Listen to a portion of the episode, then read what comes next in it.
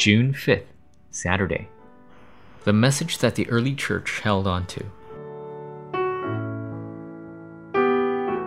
Acts chapter 1, verses 1 through 14. They all joined together constantly in prayer, along with the women and Mary, the mother of Jesus, and with his brothers. The early church came together as one as they held on to the word given to them by Jesus Christ.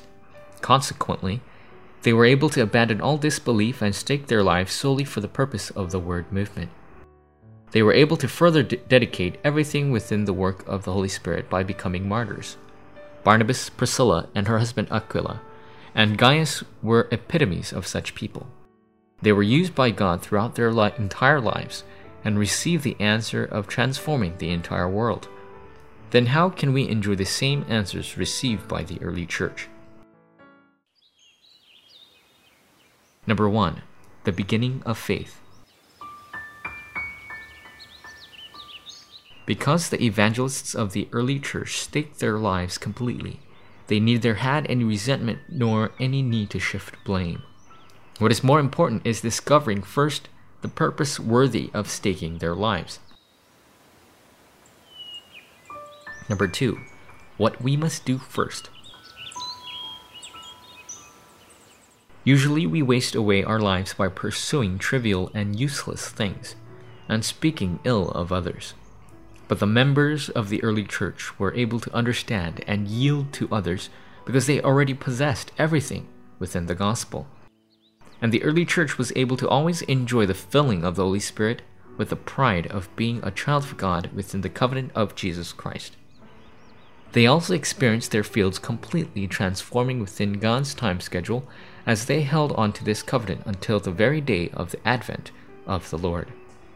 This was the evangelism movement as pursued by Mark's upper room in the early church. This was the very same evangelism movement we must pursue. As we do so, we must connect everyone we meet and everywhere we go with this covenant. If the same evangelism movement pursued by the early church arises, great works will arise as well. Number three, problems. If we receive the answer of the evangelism movement that the early church received, we can overcome all problems and instead take it as further opportunity.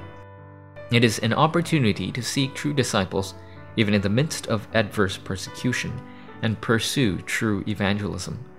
And it is also an opportunity for true devotion even in the most disadvantageous circumstances.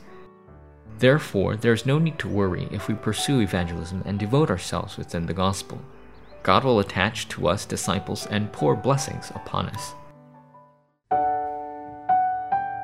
Forum topic Begin specifically to pursue today's prayer, evangelism, and word in your life. Then the answer of evangelism movement as received by the early church will begin in your life as well.